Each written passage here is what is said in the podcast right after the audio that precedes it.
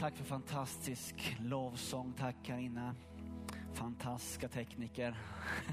Om ni såg det jag såg så skulle ni vara precis lika glada som jag är. Ehm, Simon heter jag eh, och jag har förmånen att få tala lite grann här i, idag. Eh, vilket är ju en förmån. Eh, så, så är det verkligen. Ehm, och Ja, men jag, skulle vilja, jag skulle vilja gå igen. Jag skulle vilja gå pang på rödbetan egentligen. Bara, bara rak på här på en gång och hoppas det är okej okay med dig. Eh, är det inte okej okay med dig så ja, det, du har inte så mycket val att göra åt det. Kanske titta på någonting annat. Eh, men vet du vad jag skulle vilja tala om här? Jag skulle vilja tala om Jesus. Eh, vet du vad Jesus, han, han säger tre saker om sig själv. Bland annat. Han, han säger mycket. Eh, men, men, men jag skulle bara vilja i början här den här söndagen så skulle jag vilja bara vilja kort bara rikta mig till dig som sitter där hemma. Jag skulle vilja prata om Jesus. Jesus han säger att han är vägen. Vet du vad, många människor jag pratar med de, de har en uppfattning om Jesus, om, om vem han är eller vad han gör. Men jag märker det hos mig själv, och men hos många andra människor så märker jag att att Jesus, att man ser Jesus som en destination. Alltså Jesus är lika med himlen, absolut, det, det finns en sanning i det, men Jesus han säger att han är vägen. Alltså vägen, det är en, det hade en resa, det är livet, det är här och nu. Det är inte liksom destinationen, det är inte en GPS-koordinat, utan Jesus han säger att han är vägen. Han utvecklar här och talar om att han är vägen till Fadern, vägen till himlen. Och i, idag så, och i samhället så behöver du och jag, vi behöver en väg som vi vet vart den leder någonstans. Och Jesus han säger att han är den vägen. Men han stannar inte där, utan han, han går steget längre. Och det här kanske är det mest radikala som Jesus talar om idag 2020. Att han säger att han är sanningen. Idag så i den politiska debatten, i samhällsdebatten, i hemma runt köksbordet, på sociala medier, så sanningen, det, det finns inte. Det är någonting som är, som är både objektivt och subjektivt och det diskuteras här fram och tillbaka. Jesus han säger att jag är sanningen. Är inte det fantastiskt skönt? Mitt i alltihopa, ja, men vad är rätt, vad är fel? Kan jag tro på det jag läser på sociala medier? Kan, är det här stämmer, det här stämmer inte, det här när det är nya flöden, upp och ner, bak och fram, ut och in. Jesus, han säger att han är sanningen. Det är ett sjukt starkt statement. Det är liksom inga halvmesyrer, utan han säger att han är sanning. Punkt. De här två beskrivningen av Jesus, Jesus som vägen, alltså att vi kan vandra ett liv tillsammans med honom och att han är sanningen. Han är inte ensam om att säga det här. Det finns många stora livsfilosofer inom både religion, filosofi, vetenskap som hävdar just de här sakerna, att de har en väg framåt, att de talar sanning och så vidare. Skillnaden med Jesus är att han också avslutar det här statementet och säger att han dessutom är livet. Och Det han syftar på det är alltså inte bara livet som vi lever, alltså en 70-80 år här på jorden, utan Jesus han säger att han är livet i motsats till döden. Hans sigill, hans stämpel på att det här är sant, det är att han besegrade döden när han uppstod på tredje dagen. Han blev korsfäst, dödad. Mörker hade vunnit, ondskan hade segrat. Djävulen dansade ballongdansen, djävulen körde Macarena. Han körde hela, hela dansuppsättningen i otakt, det vet vi alla. Men, vi fick ett amen från trummisen, yes. Men vet du vad? På tredje dagen så uppstod Jesus från de döda. Han besegrade mörker, han besegrade död, han besegrade ondska och därför säger han, jag är livet. Jag är livet. Han lägger en helt annan tyngd bakom sina statements och säger att jag har besegrat ondska, jag har besegrat döden. Jesus. Namnet över alla andra namn. Jesus, namnet som för ljus rakt in i mörker. Amen.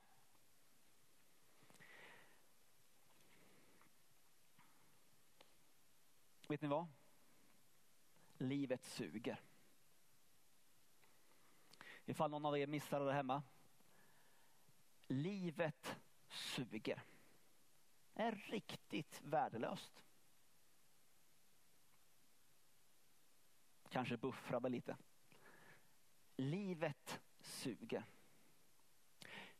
Jag satt och pratade med en kille i veckan eh, och de här är de exakta orden som han säger. Lite fler, eh, vad ska vi kalla det för, adjektiv.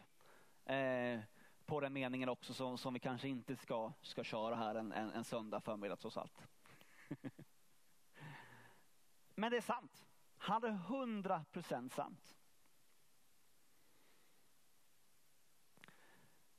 Men Jesus, han säger så här. Eller Johannes rättare sagt säger så här om Jesus. Att så mycket, så högt älskade Gud världen att han gav sin enda son för att var och en som tror på honom inte ska vara förlorad utan ha evigt liv. För Gud han sände inte sin son till världen för att döma, straffa eller förkasta världen. Utan för att världen genom honom skulle bli frälst, räddad, helad, befriad, trygg och bevarad. Jesus kom för att du och jag skulle ha frid. Romarbrevet 10.9 säger så här att om vi med vår mun bekänner, alltså säger att Jesus han är Herre, alltså att han har all makt, att han är den som vi tror på och bekänner oss till. Och att vi i vårt hjärta tror på just det som Jesus säger om sig själv, att han är vägen, sanningen och livet. Alltså det vill säga att vi tror att Gud har uppväckt honom från de döda. Då blir vi frälsta. Frälsning, räddning. Räddad, helad, trygg, befriad, bevarad. Livet suger och därför som Jesus kom till den här världen. För dig och för mig. Innan jag går vidare här och, och talar kort här en dag så skulle jag bara vilja bjuda in dig som sitter där hemma framför mobiltelefonen, framför tvn, framför datorn, oavsett hur du ser på den här sändningen. Att be en enkel och kort bön tillsammans med mig. Där vi bara bjuder in Jesus in i vårt liv. Jesus som vår frälsare och Herre. Ska vi be tillsammans? Hur gör man? Finns tusen olika sätt att göra på. Det kan vara skönt att knäppa händerna. Vi kan göra det tillsammans. Vi knäpper händerna tillsammans. Det kan vara skönt. Och sen så, ja, det är trevligt att titta in i kameran, men jag, jag, jag blundar faktiskt. Om det är okej okay för er hemma så, så jag, jag, blundar. Du får göra samma sak eller du får titta. Men vi, vi ber bara en enkel bön tillsammans.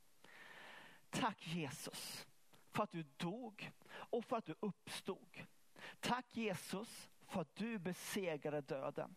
Jag tror på dig. Jag bekänner att du är Herre i mitt liv. Jag vill inte vara den som bestämmer. Vi ser hur det har gått hittills. Jag släpper ratten till dig Jesus. Ta över. Du är Herre. Jag tror att du dog och inte bara att du dog utan du uppstod. Förlåt mig mina synder. Förlåt allting som jag gör fel.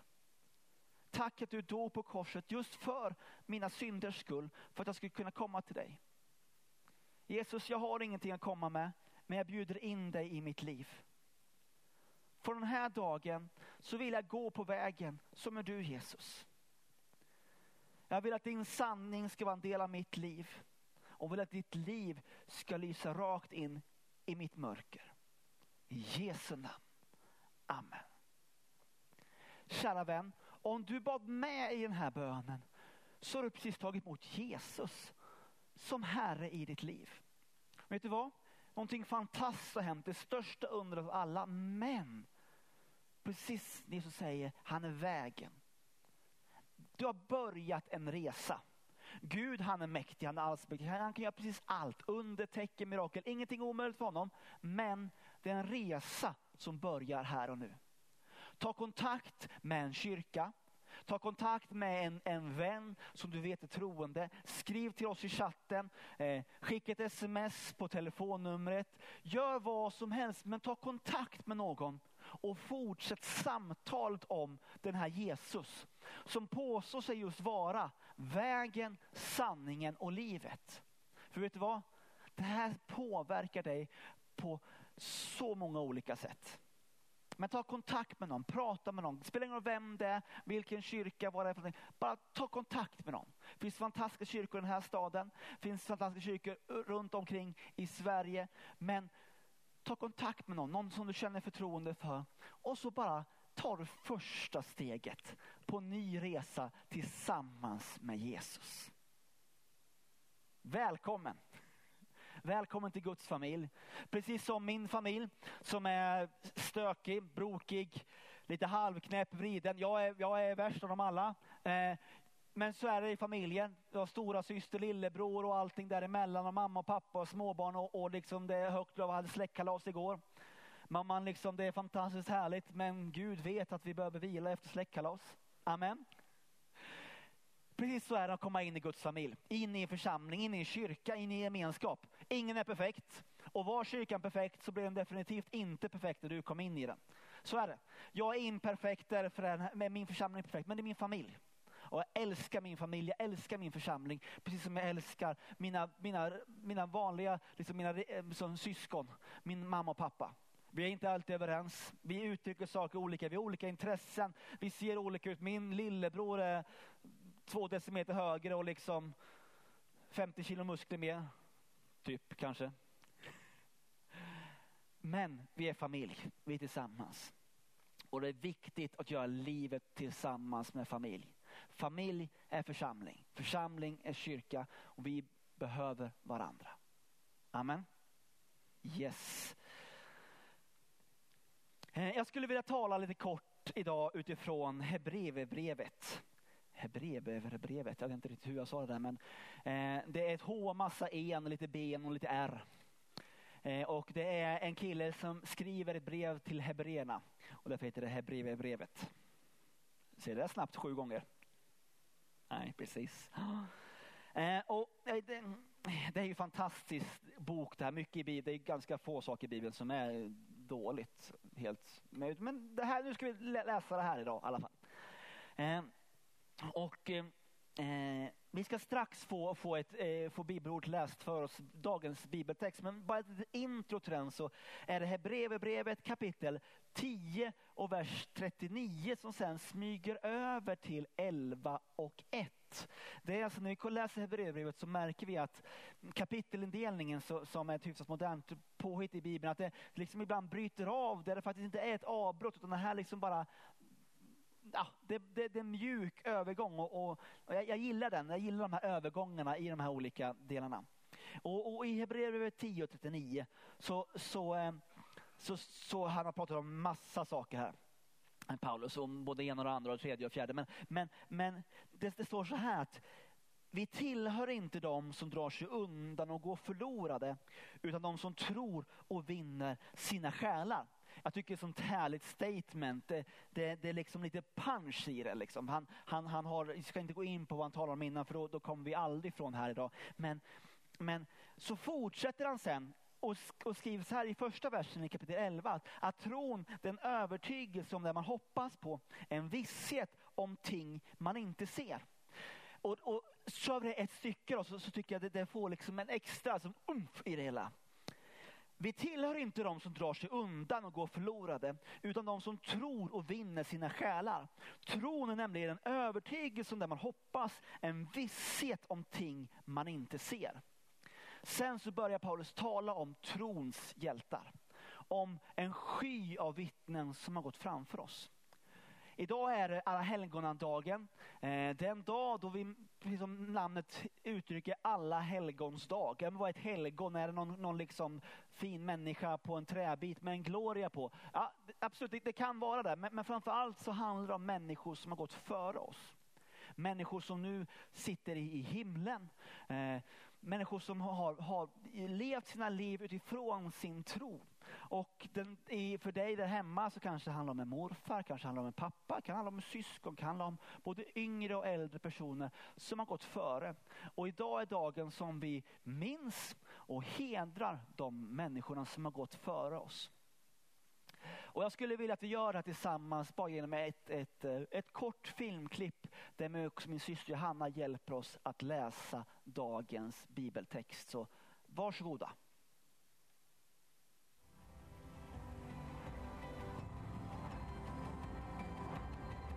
Fast alla dessa hade fått vittnesbörd för sin tro fick de inte det som var utlovat. Gud har nämligen förberett något bättre för oss. Först tillsammans med oss ska de nå fram till målet. När vi nu har en så stor sky av vittnen omkring oss, låt oss då lägga bort allt som tynger och särskilt synden som snärjer oss så hårt och löpa uthålligt i det lopp vi har framför oss. Och låt oss ha blicken fäst på Jesus, trons upphovsman och fullkomnare. För att nå den glädje som låg framför honom uthärdade han korset, utan att bry sig om skammen, och sitter nu på högra sidan om Guds tron. Tänk på honom som fick utstå sån fiendeskap från syndare, så att ni inte tröttnar och tappar modet.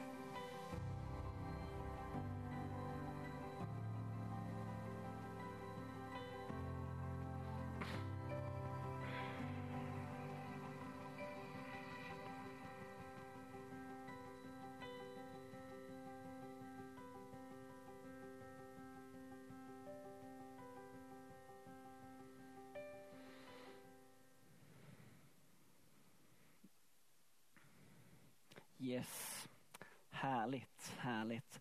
Det här enkla filmklippet med den här bibeltexten belyser just ett par personer som har gått före oss. Helt vanliga människor, min morfar bland annat andra människor som, som ni har skickat in, som har gått före oss men som har levt sina liv tillsammans med Jesus. Det är också en, en, en mer eller mindre kända eh, personer här som, som kanske alla känner, Moder Teresa, Billy Graham och så vidare, men också en hel del martyrer. Människor som faktiskt har inte bara levt sina liv utan också gett sina liv för tron på Jesus. Och idag så hedrar vi de människorna som, som har gått före oss, som har visat oss att det går att leva ett liv för Jesus.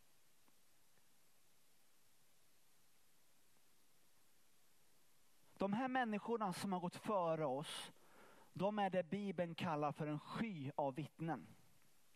Alltså det är en, det talar om att de, den Paulus målar upp här, det är en, en bild en, av, av liksom en, en olympisk löpartävling. Där de här människorna som gått före sitter på läktaren och, och bara hejar på. Bara, Kom igen, ni klarar av det.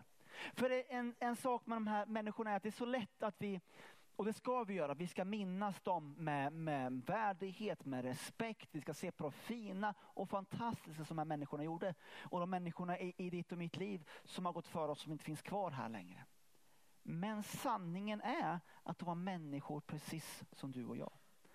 Som brottades med all möjlig bråte precis som du och jag. Men som trots allt visar att det var möjligt att löpa det lopp som Gud hade kallat dem till att göra. Jag, jag tänkte vi skulle bara ta och, och, och, fokusera lite grann mer på, på just det här med, med, med löpningen. Jag är ganska, ganska atletisk själv. Sluta skratta. Eh, nej, det är jag inte. Så, så att därför så, så, så, för att det här ska bli lite trovärdigt så har vi bjudit in en. Kan vi inte bara ge en stor applåd till Simon Axelsson?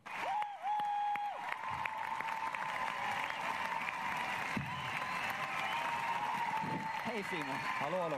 Vad kul att se dig här idag. Ja, att vara här. Här är Simon Axelsson för er som inte känner igen honom. Eh, ja. Jag ser dig eh, titt som tätt förbi mitt hus, ungefär två steg. Så ser jag inte Simon mer. Ja, och nästan säger svång, svång och sen så är du liksom borta. Då är det lite annat löpsteg än vi har, så kan vi väl säga. Ja, jag, ja kanske, jag vet inte riktigt. Men... ja. men du Simon, det här med löpning. Du, du är ju löpare får vi ändå säga. Ja, precis. Och vad, vad är, du, du, du, man kan ju springa många olika saker efteråt. Vad, vad är det som du... Eh, är det ja. långdistans, kortdistans? Ja, precis. Jag gillar ju lite längre distans. Jag gillar maraton. Ja. Och, eh, det finns ju de som springer ännu längre än maraton, men eh, jag fastnar just för maratondistansen. Mm. Ja, hur, hur, långt är det? Den är 4,2. 4,2 mil? mil då. Ja. Hör ni det hemma? 4,2 mil. Ja, då åker jag bil. Eh, men Simon, vad, Ja. hur, vad liksom, ber- berätta, vad, hur fastnade du för löpningen? Hur liksom, hur... Eh, Ja, jag fastnade för löpningen. Det var ju mycket att jag har ett rätt stillasittande jobb. Och eh, om man sitter stilla och äter mycket gott, en härlig fru som lagar god mat till en och då är det lätt att det börjar växa lite. Eh, magen börjar ja, bli lite större och större. Så då började jag på med löpning och kände att jag blev piggare och eh, magen kröm, krympte och jag kände att jag fick eh, ja, blev piggare och starkare och jag kände att löpningen det utvecklades. Jag blev eh, eh, snabbare på eh, milen och eh, utökade distansen. Jag började springa längre än milen, det blev en halvmara eh, och sen till slut så fastnade jag för maraton då. Mm, mm. Eh, ja. Vad häftigt, vad häftigt. När, när du hör det här bibelordet när Paulus och talar om, om löpartävlingen och de här skyna vittnena, liksom, vad, vad, vad ser du framför dig? Vad, vad, vad liksom, som du associerar med, med löpningen, med maratonet? Vad, vad liksom, Nej, men jag tänker ju mycket på det att man har ett sky av vittnen. Det är, det, det är härligt eh, just med löpning att eh, eh, det, det, är, det är många som springer och man, man eh, äggar varandra, man blir inspirerad av varandra. Man kan läsa om, eh, om eh, andra som springer och få tips och idéer. Och sen är det ju, det står i Bibeln om löpningen att vi har ett lopp att springa. Och man blir ju lätt distraherad kan man bli. Man kan, det, det, det kan, man kan åka ut för skador, man kan få kramp. Och, men man, man ger inte upp utan man, man bara fortsätter, man ska i mål. men om, Eh. om den, de, den här skyna vittnen, alltså om man säger publik liksom, eller de som står längs med Ja. vägen och springer maraton. Ja. Vad, vad liksom, ger det energi eller en Ja, ja, ja. distraktion? Eller liksom, är det mer som gå hem med er? Eller Ja. vad, eller ger, Nej, men det är ju någonting? sån skillnad. Om man springer till exempel, eh, det är inte ofta jag springer maraton här hemma i Sävsjö, men ibland händer det. Eh, om man springer Sävsjö eller uppe i Stockholm eller något jättestort lopp när det är en 20 000 löpare och det är jättemycket publik. Då är det precis som man springer utanför Stockholms slott till exempel och publiken bara står där och det är Eh, det känns som man inte springer utan man, man lyfts eh, förbi de här stora publikstråken. Det är precis som att publiken lyfter nästan. Så upplever man det. Och, och, ja, det är en härlig känsla. Vad häftigt. Ja. Du sa någonting till mig när vi pratade om det här, så, så, så din inställning när du springer ett lopp, kan du inte berätta lite grann? Jag tycker den var så härlig. Nej, men det är ju det att jag har ju inställningen att när jag står på startlinjen då ska jag i mål.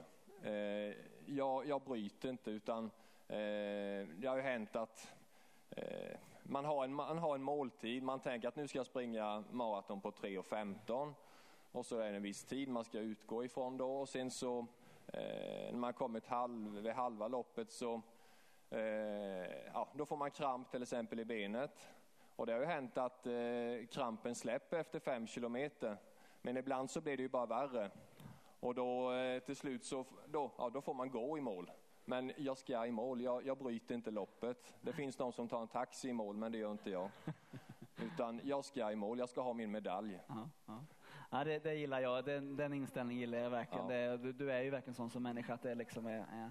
Men du, du, besk, du beskrev hur liksom publiken kan liksom ge energi och liksom heja på de här sakerna. Ja. Men du beskrev också de medtävlandena här. Då. Eh, Ja, och och liksom hur, hur, hur man kan, hur man, eh, det är härligt att få göra tillsammans, hur man kan hitta råd och tips och Ja. från varandra. Men, men kan, det, kan det även finnas en baksida på detta?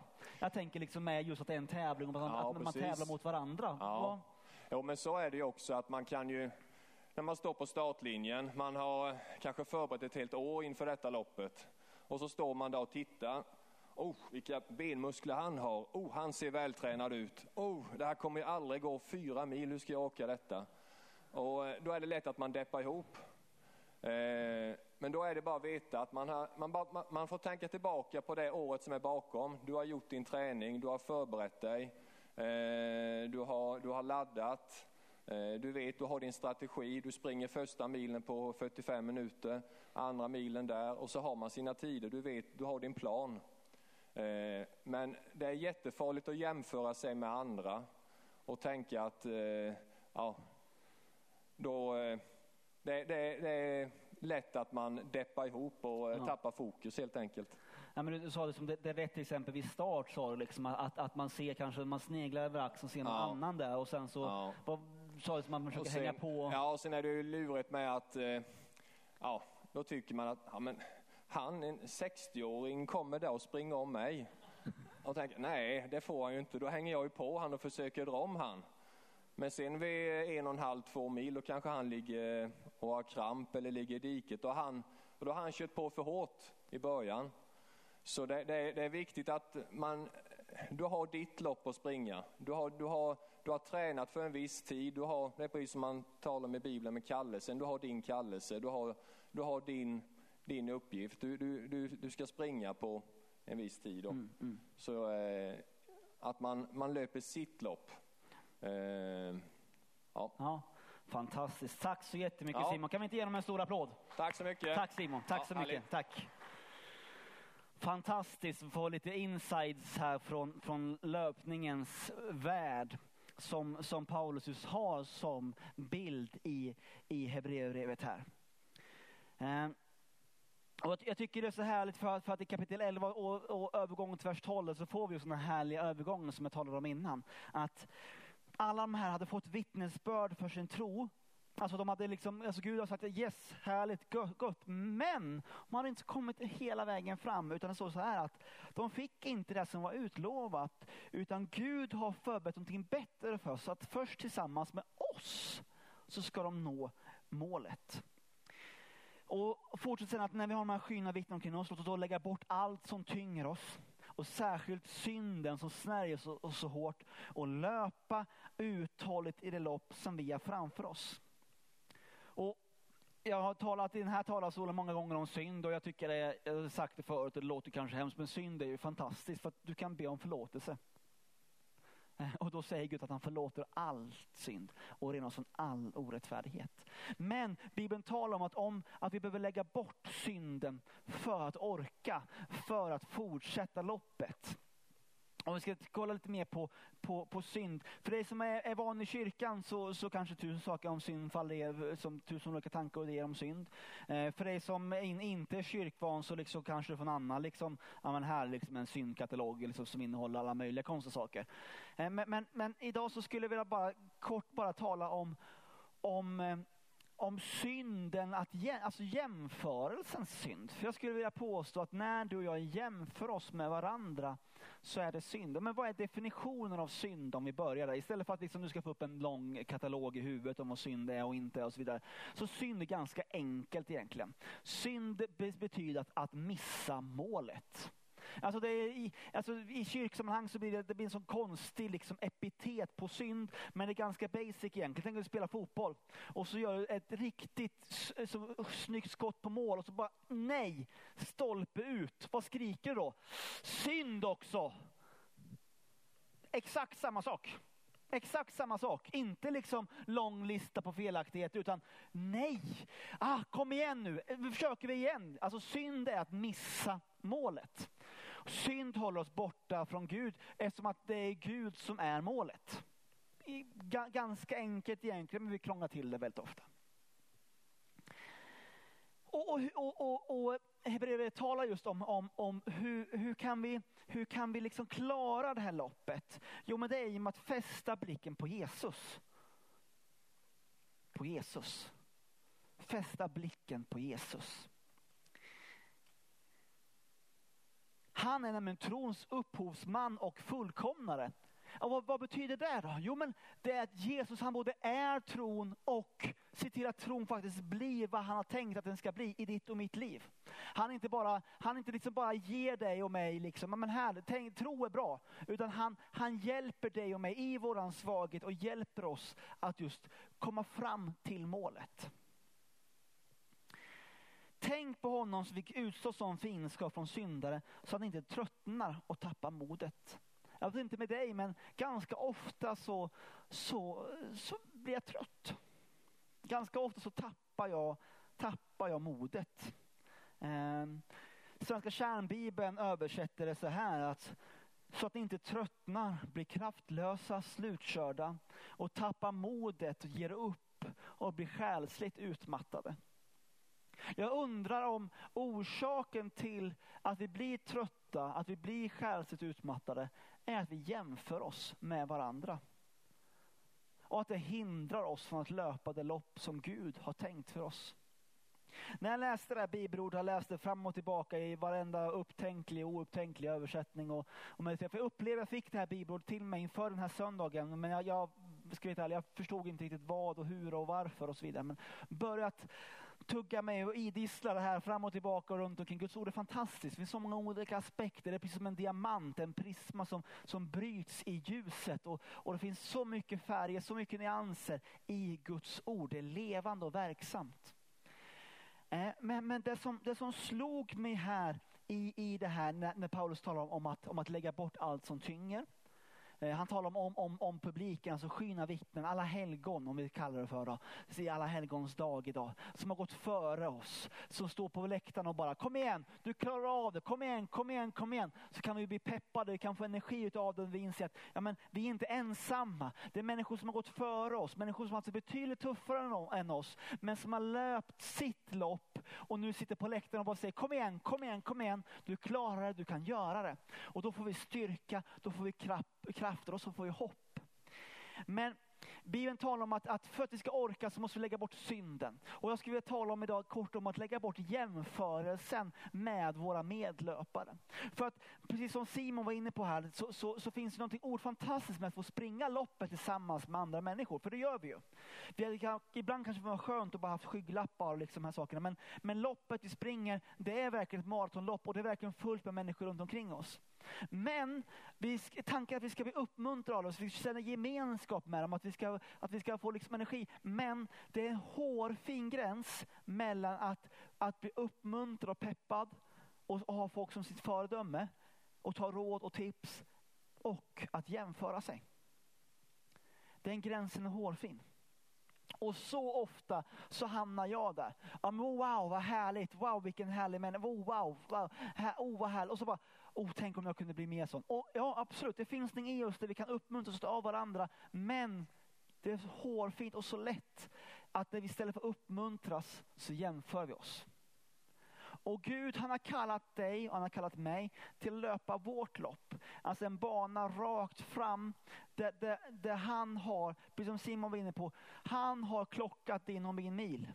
Han vet vad, vilken hast du behöver springa på för att orka. Inte bara första milen, utan andra, tredje och fjärde milen. Och där vi inte kan jämföra oss med människor runt omkring. Oavsett de här, liksom, som Simon, och det Simon var inne på så bra där Simon, var just det här. Ja, men, det kan både vara problem med den här människan, oh, vilka benmuskler, oh my Gottenburg, käre dar. alltså det, det, det här, oj oj oj.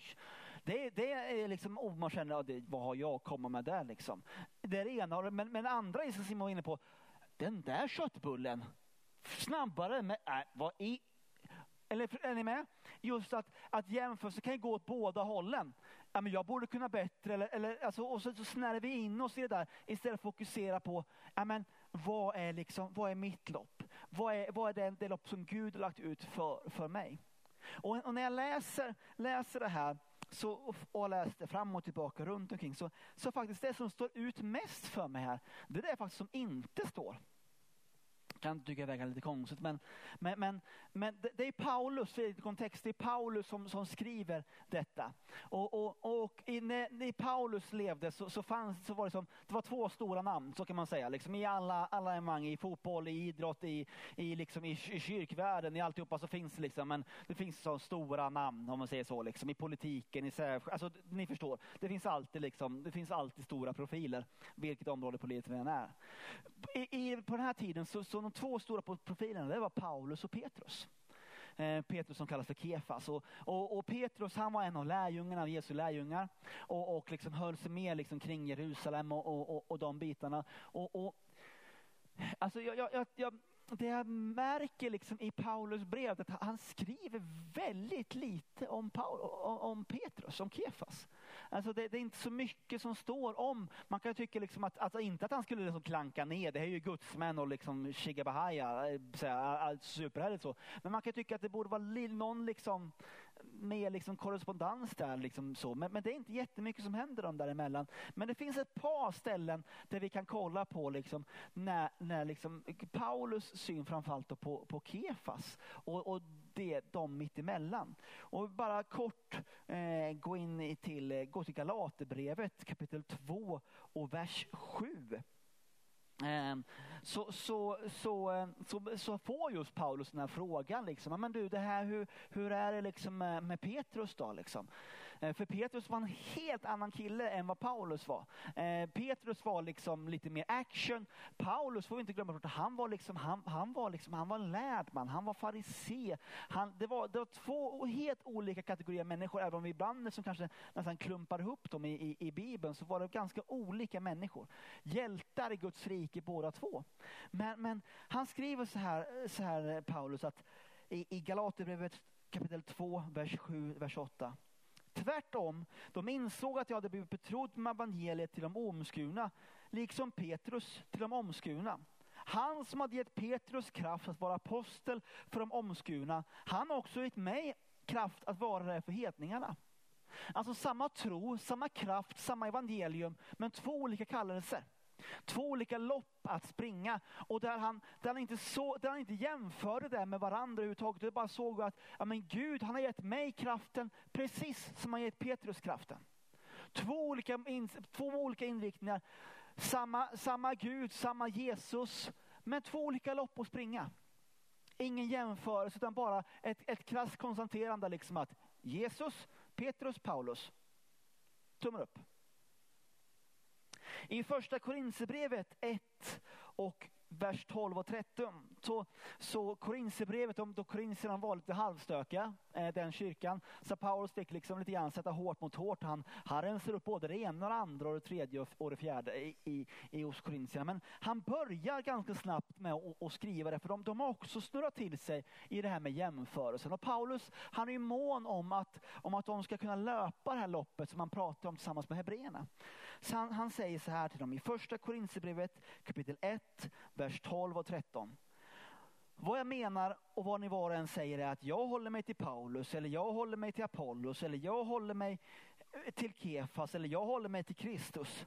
Är Kristus delad? Det är väl inte Petrus eller Paulus som blir korsfäst för er eller är det i Paulus namn som ni blir döpta? Ganska snabbt så bara lägg av. Vad håller ni på med? Kristus är inte delad. Det vill säga om det är någon vi ska jämföra oss med så är det Jesus, trons upphovsman och fullkomnare. Det är han vi ska sätta blicken på. Vi har medlöpare runt omkring. Men vad, vad handlar det om? Det är Paulus eller Kefas eller liksom Nisse eller Kajsa eller Kalle. Kristus är inte delad. Och eftersom Kristus inte är delad så behöver inte heller vårt sinne vara delat. För det som jämförelse gör med oss, det delar vårt sinne, det delar våran fokus. Och det får oss att titta åt höger och åt vänster när tanken är att vi ska titta framåt. Och det märkliga är att så fort vi börjar titta åt höger och vänster, då tröttnar vi. Då orkar vi inte.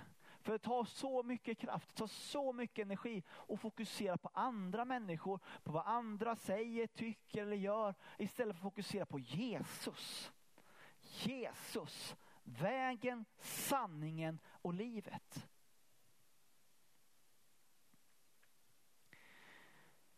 Han fortsätter sen i första Korinthierbrevet i kapitel 3, vers 21-23 och det här är liksom ja, alltså det här är grymt. alltså vilken, vilken, vilken, vad litterär han är Paulus om vi säger så, vad, vad ord.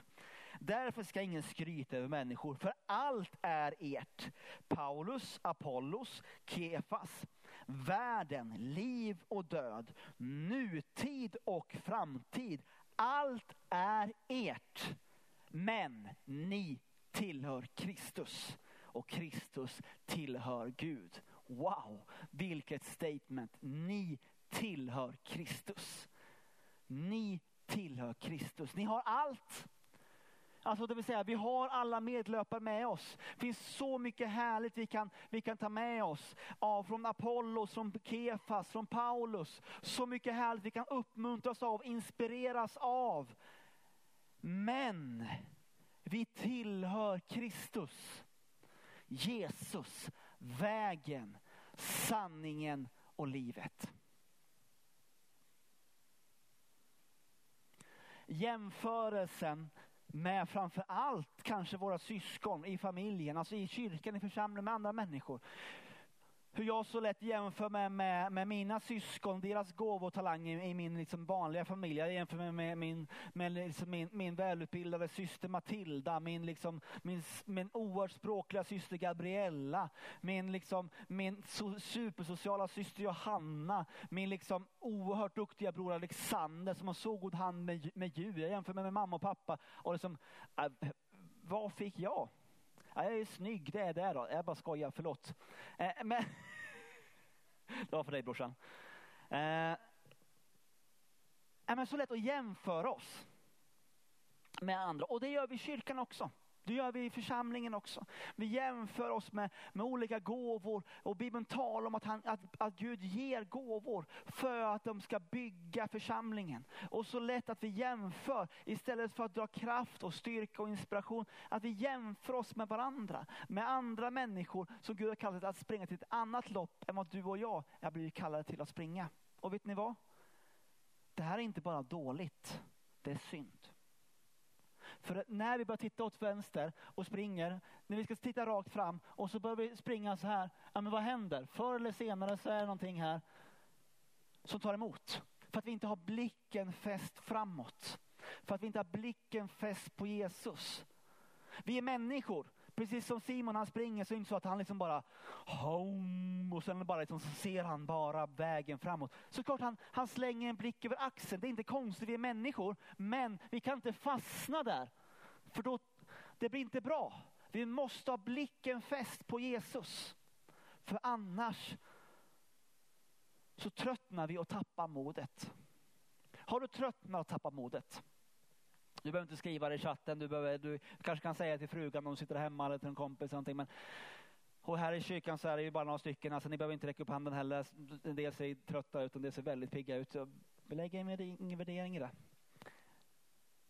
Men vet ni vad? Är det så att du och jag tröttna, har tröttnat och tappat modet?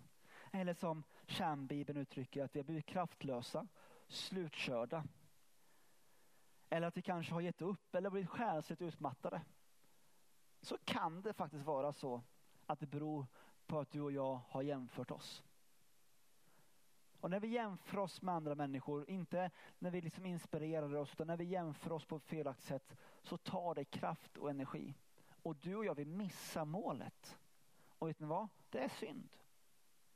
Och synden, det finns ingen fördömelse i det. Precis som jag läste om utifrån Johannes 3 och 16. Så, för Gud sände inte sin son till världen för att döma, straffa eller förkasta världen.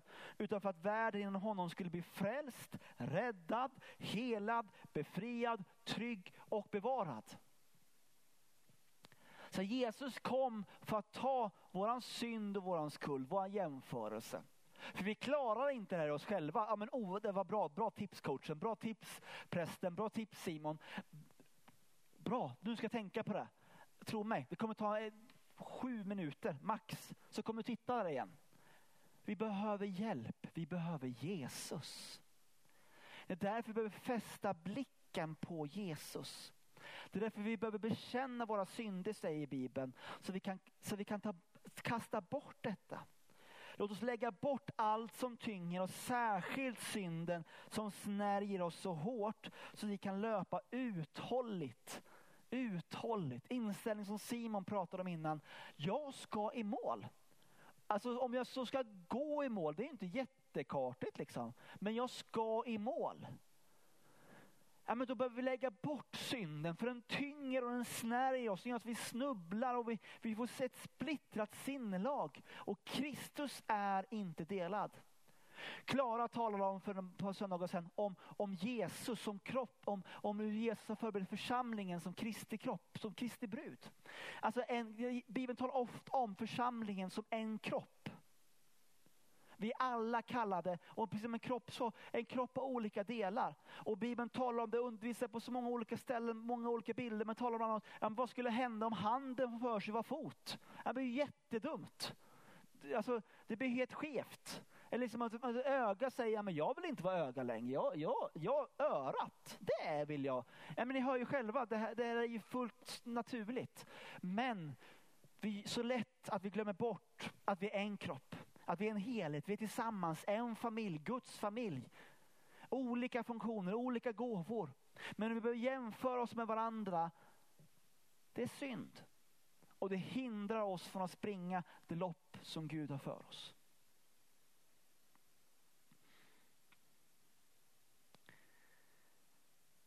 Vi tillhör Kristus och han är inte delad. Därför ska inte heller våra sinnen vara delade.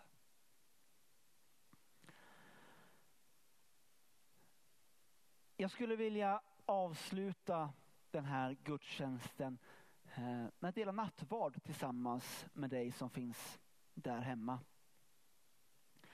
Eh, och Rickard, du får jättegärna komma fram och, och, och, hjälpa mig lite här med, med, med lite lovsång här under tiden. Och, och eh, nattvard, vad, vad, är det? Nattvard är ett gammalt ord för kvällsmat. eh, men det här är någonting som, som, eh, som, som kyrkan, som, som vi kristna har gjort i över 2000 år. Och, och, och det, är en gammal tradition och, och, den är, är fylld av, av, av, kanske konstiga saker kan man tycka ibland, men också jättenaturliga saker. Vad det började med, det var att när Jesus, när han, när han skulle dö på korset för mina synder, så samlade han sista gång sina lärjungar. Eh, och han, han samlade dem för att äta kvällsmat tillsammans med dem. Men när han gjorde det så, så, tog han också och pratade om att den här kvällsmaten som vi äter tillsammans nu, det är inte bara liksom O'boy och skinkmacka nu, utan, utan det här är någonting större, någonting djupare. Och Jesus uppmanar oss själva, bland de sista sakerna som han uppmanar oss som kyrka, oss som kristna, är att fortsätt med det här. Fortsätt att, att liksom äta kvällsmat tillsammans med mig eller fira nattvard tillsammans med mig. För att vi ska påminna oss om vem han är och vad han har gjort tills dess att han kommer. Nu är ju inte du här hos mig, det är ganska naturligt. Du sitter hemma framför tvn, mobiltelefonen och vad du gör. Men om du har en tro på Gud eh, och, och, vill fira nattvard tillsammans så, så Gå, gå, gå ut i kylskåpet, hämta, det spelar ingen roll vad det är, det behöver absolut inte vara vindruvsjuice, utan hämta ett glas juice, en macka eller någonting. Och så tar vi, under tiden som, som Rickard leder oss i lite lovsång här tillsammans, så tar vi er ordning här. Men så kan du också gå hem, hämta sagt en bit bröd, alltså har du pågenlimpa, har du en rund kaka, fyrkantig knäckebröd, hämta någonting där hemma. Så tar vi och firar nattvard tillsammans. Så ett glas juice, någonting att dricka och sen en, en bit bröd så, så ska leda oss tillsammans i nattvarden så gör vi det tillsammans. Så hämta det här kylskåpet så lovsjunger vi tillsammans så länge.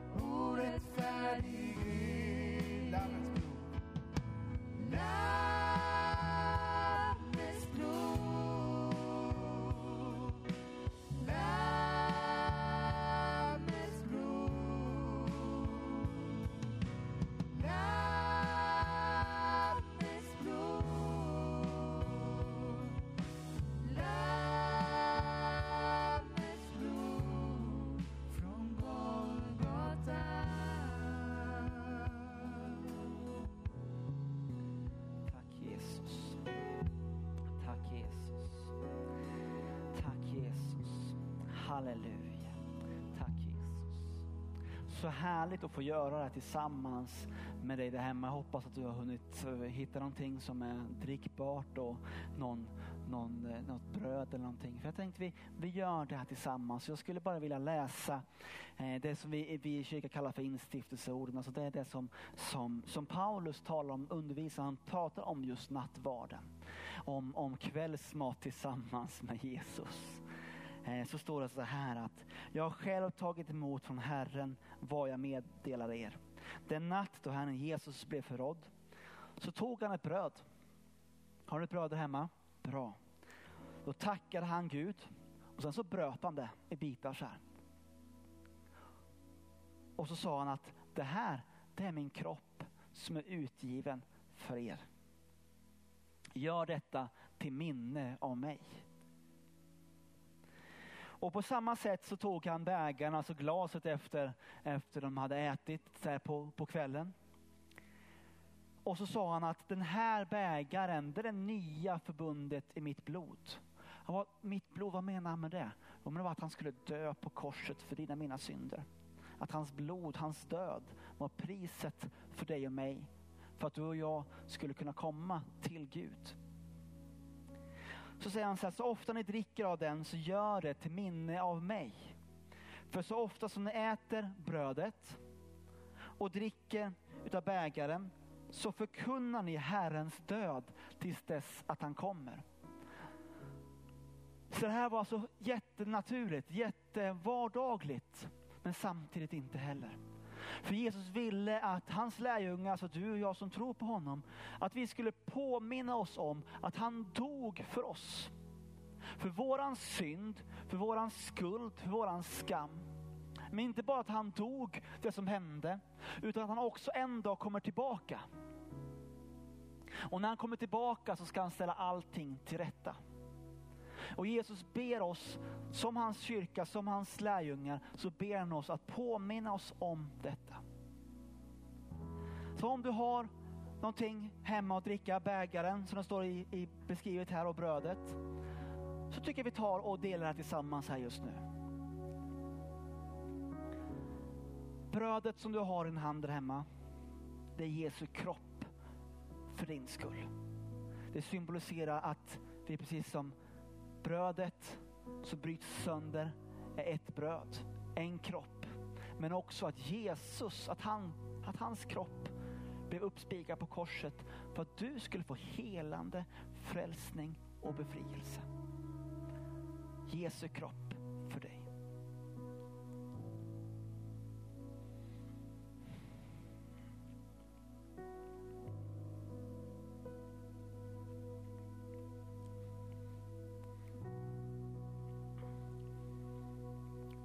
nya förbundet i mitt blod som Jesus talar om, det är just att han betalade priset för dina mina synder.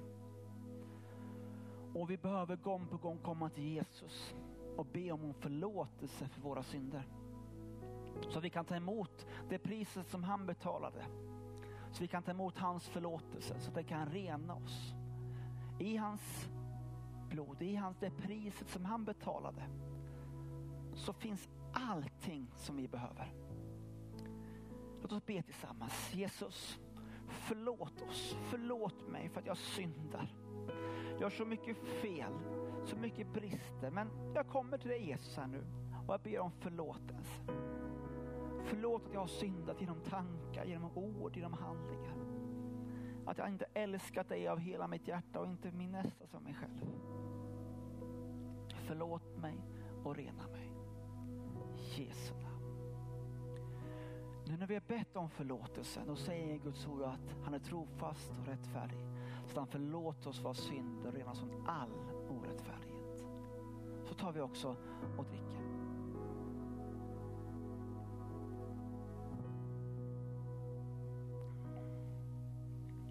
Tack Jesus, tack att vi får göra det här för att minnas att du dog för oss.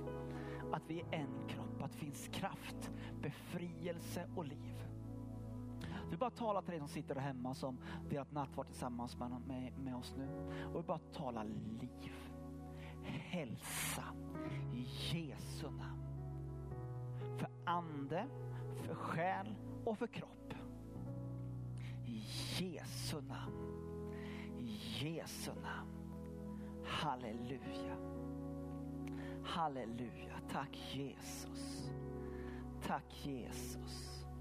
Halleluja.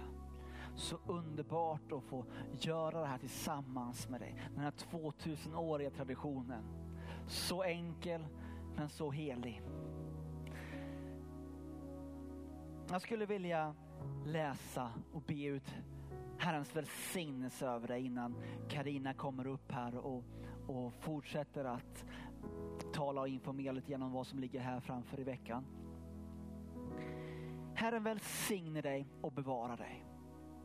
Herren låter sitt ansikte lysa över dig och vara dig nådig.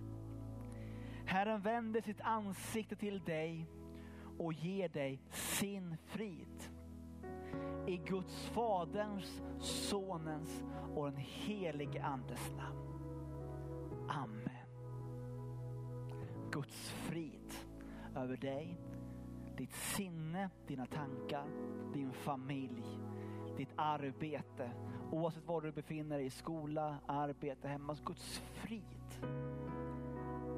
I Jesu namn. Amen. Amen. Under tiden som Karina kommer upp här och, och, och, och berättar för oss.